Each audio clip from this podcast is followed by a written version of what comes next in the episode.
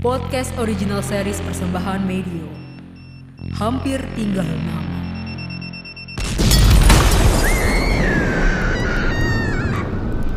Saat mereka bisa selamat.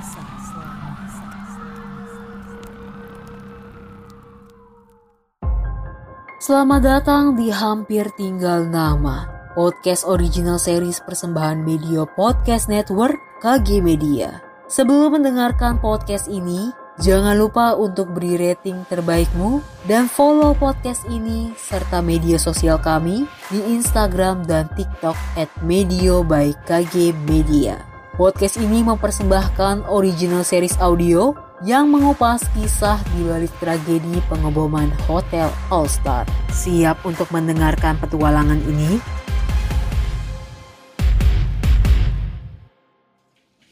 Karena kasus pengeboman Hotel All Star, kami disibukkan dengan segala macam kesibukan. Interogasi, hasil olah TKP, dan mencocokkan beberapa data dari daftar tamu hotel. Dua minggu ini termasuk melelahkan bagi kami, termasuk aku sendiri. Jessica K. Aku membaca terus nama itu. Orang terakhir yang menjadi korban selamat dari kasus pengeboman. Kulihat Vira dan beberapa rekanku sedang fokus pada pekerjaannya. Dan melihat aku yang tiba-tiba berdiri, mereka langsung menatapku penuh rasa penasaran. Vira, tolong persiapkan ruang interogasi sekarang. Bayu, tolong jemput korban terakhir yang selamat di parkiran kantor. Dia datang sendiri habis dijemput sama Sakti. Bentar lagi sampai. Tadi dia udah hubungin gue kok. Gue mau nyiapin berkas-berkas.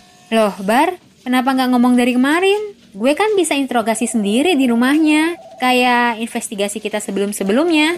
Malah Sakti yang suruh lo jemput si korban. Gue tahu korban ini lo yang tanganin. Itu bagian lo. Tapi kok lo nggak ngasih tahu dulu sih? Sengaja. Aku sengaja meminta korban terakhir untuk diinvestigasi secara terbuka di kantor. Aku ingin Komandan Markus juga menyaksikan interogasi kami terhadap korban selamat. Sorry, gue emang sengaja nggak bilang kemarin. Feeling gue, kita bakal butuh komandan untuk investigasi kali ini. Jadi gue sengaja datengin beliau. Kemarin gue sempat mention soal hal ini ke lo kan, Fir? Tapi lo yakin kan, Bar? Heh, lo lagi-lagi ngeladenin feeling ya, Bar? Kenapa sih? Aku melirik jam dinding dan berdecak kecil. Setengah sepuluh. Itu berarti sebentar lagi korban tersebut datang. Tidak menjawab pertanyaan Vira, aku langsung mengambil file dokumen dan beberapa catatan. Udah ntar aja gue jawabnya. Sekarang kembali ke tugas masing-masing. Heh, oke deh. Siap, Bar.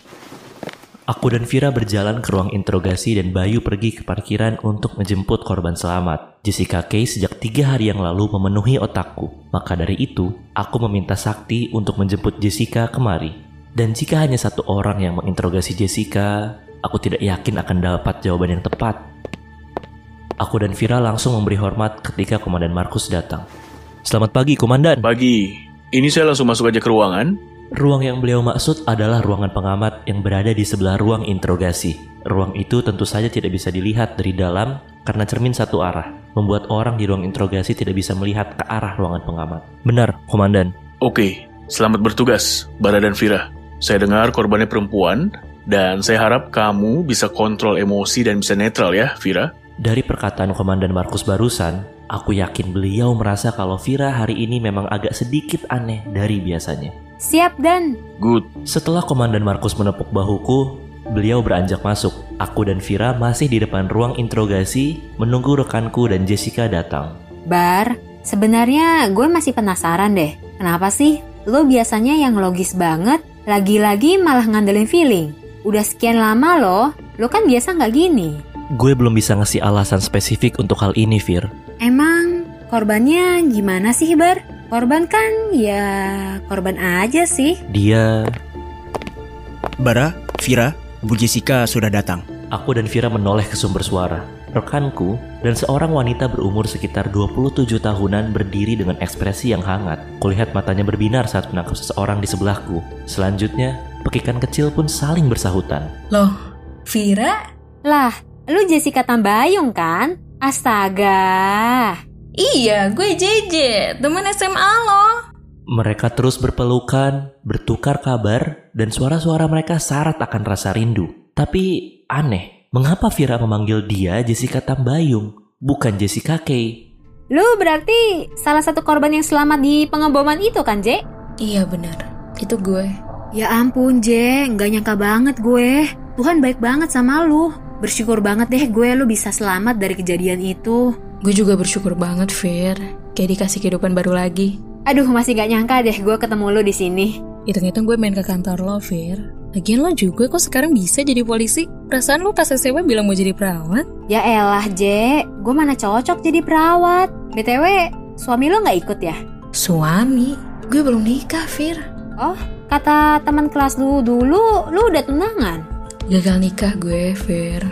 Udah lama juga gak berhubungan sama keluarga mantan tunangan dan keluarganya. Sorry, gue nggak tahu. It's okay, Fir. Oh iya, sorry sorry, gue malah asik sendiri Bar. Oh iya Bar, nih kenalin temen gue pas SMA. Lu kok nggak bilang sih Bar kalau dia temen gue? Gue nggak tahu itu temen lo, Fir. Harusnya pas lo baca berkas, lo tahu meski senyum di wajah Vira belum hilang, namun senyum itu memudar sedikit demi sedikit. Selama menjadi partner di dalam tim ini, Vira merupakan detektif yang peka dan aku rasa dia paham akan apa yang aku maksud tadi. Iya ya. Oh oke oke oke. My bad. Kalau gitu Je, lu masuk duluan ya sama rekan gue. Gue mau ambil minum buat lu dulu.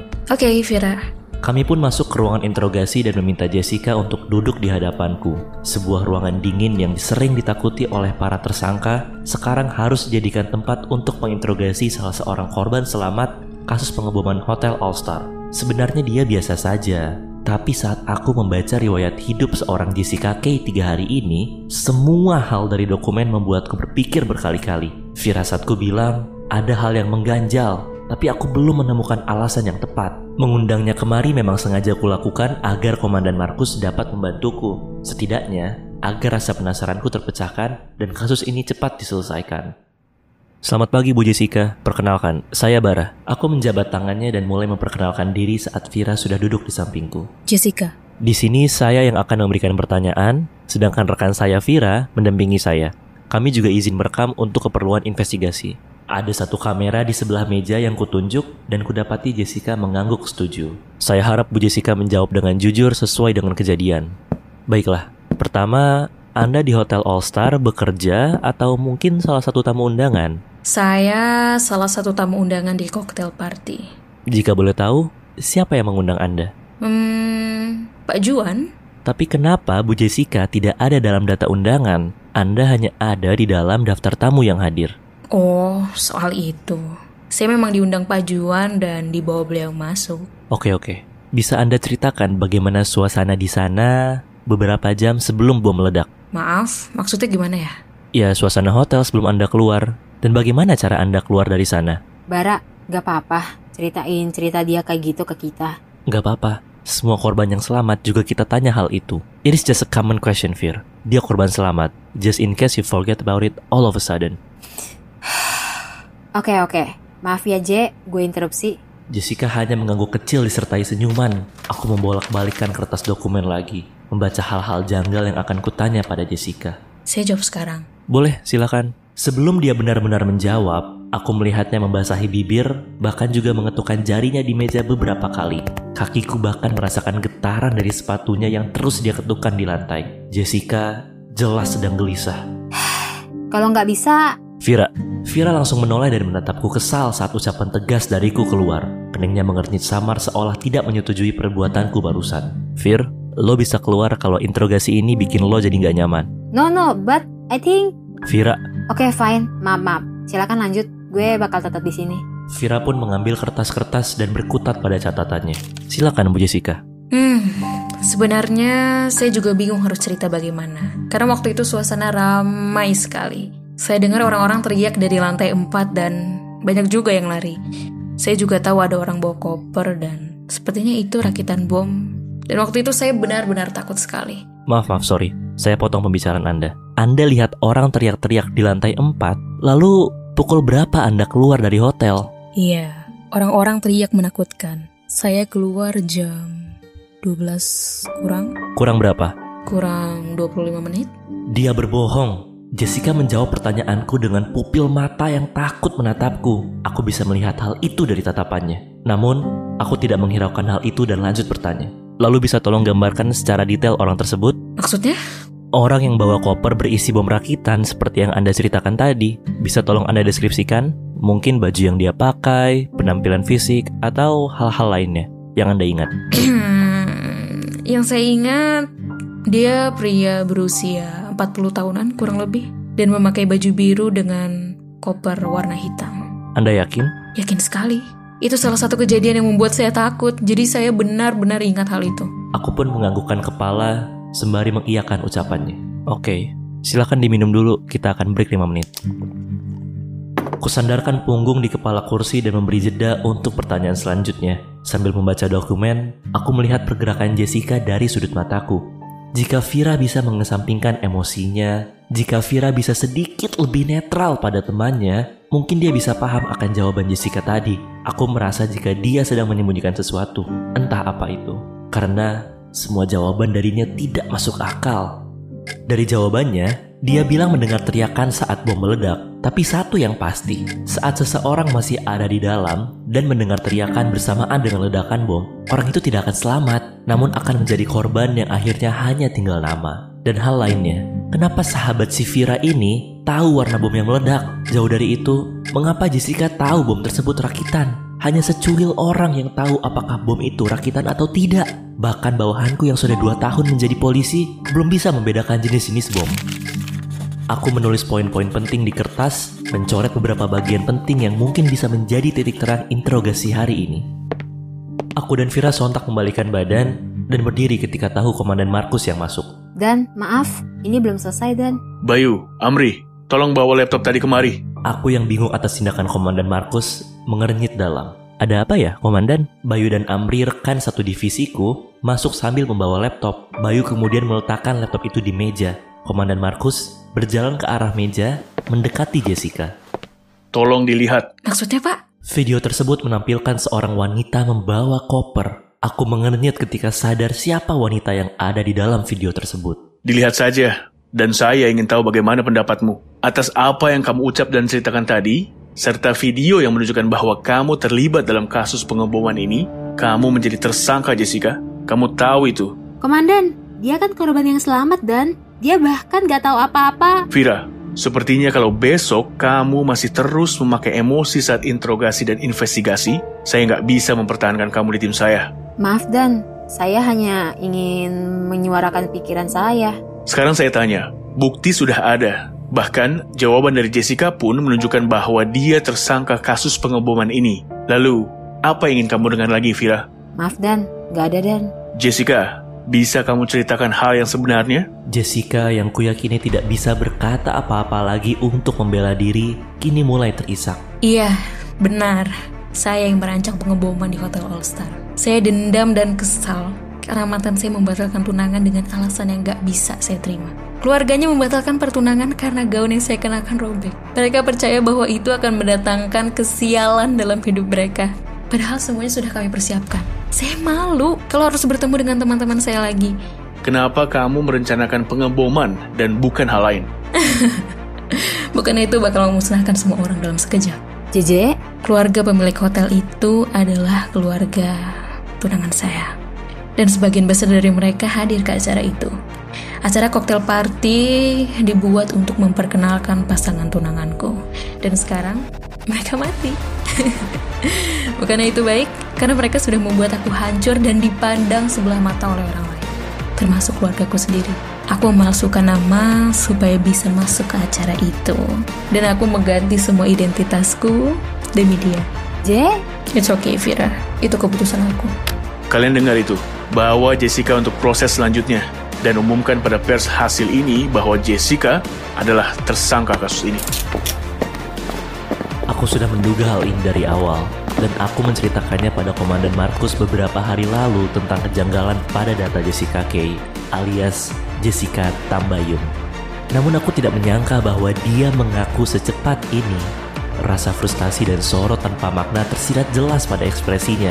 Itu membuatku yakin bahwa rencananya adalah rencana akhir dari segala hal yang ingin dia lakukan untuk balas dendam. Vira masih bungkam di tempat, terlebih saat temannya dibawa keluar dari ruangan. Vira memilih untuk duduk di ruangan yang dingin ini. Mungkin dia sudah sadar bahwa apa yang dia lakukan selama proses interogasi tidak profesional sama sekali. Emosinya mengganggu proses penyelidikan dan investigasi. Sekarang dia terdiam dengan tatapan kecewa. Lima bulan yang lalu, Seorang wanita dengan bahagia memakai gaun cantik berwarna merah. Kulitnya yang putih sangat kontras dengan apa yang ia kenakan. Seorang pria di hadapannya memuja sang kekasih. Berbagai bidik kamera menyorot keduanya bak pemeran utama. Kamu cantik sekali, sayang. Kamu juga? Aku cantik. Ih, maksud aku keren. Kamu keren banget. Namun, mereka tidak tahu bahwa senyum itu membawa salah satu anak kecil menghampiri mereka. Berlari tanpa melihat sekitar. Tidak hati-hati. Sampai teriakan muncul disertai pekikan yang saling bersahutan. Gaun merah yang dikenakan wanita itu robek dengan cara yang tak terduga. Dua keluarga besar yang tengah duduk di dekat pasangan itu teriak saat melihat gaun tersebut sudah tidak cantik lagi. Semua raut wajah bias. Namun, wajah calon pengantin itu terluka saat salah satu suara menginterupsi mereka. Pertunangan ini batalkan saja. Karena mitos gaun robek, hidup banyak orang berubah. Dan karena satu kalimat itu juga mampu meninggalkan luka di hati seorang Jessica. Satu kalimat yang membuat ratusan orang berakhir tinggal lama.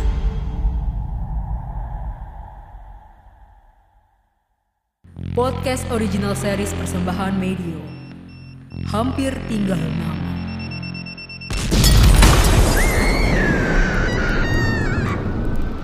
Saat mereka bisa selamat.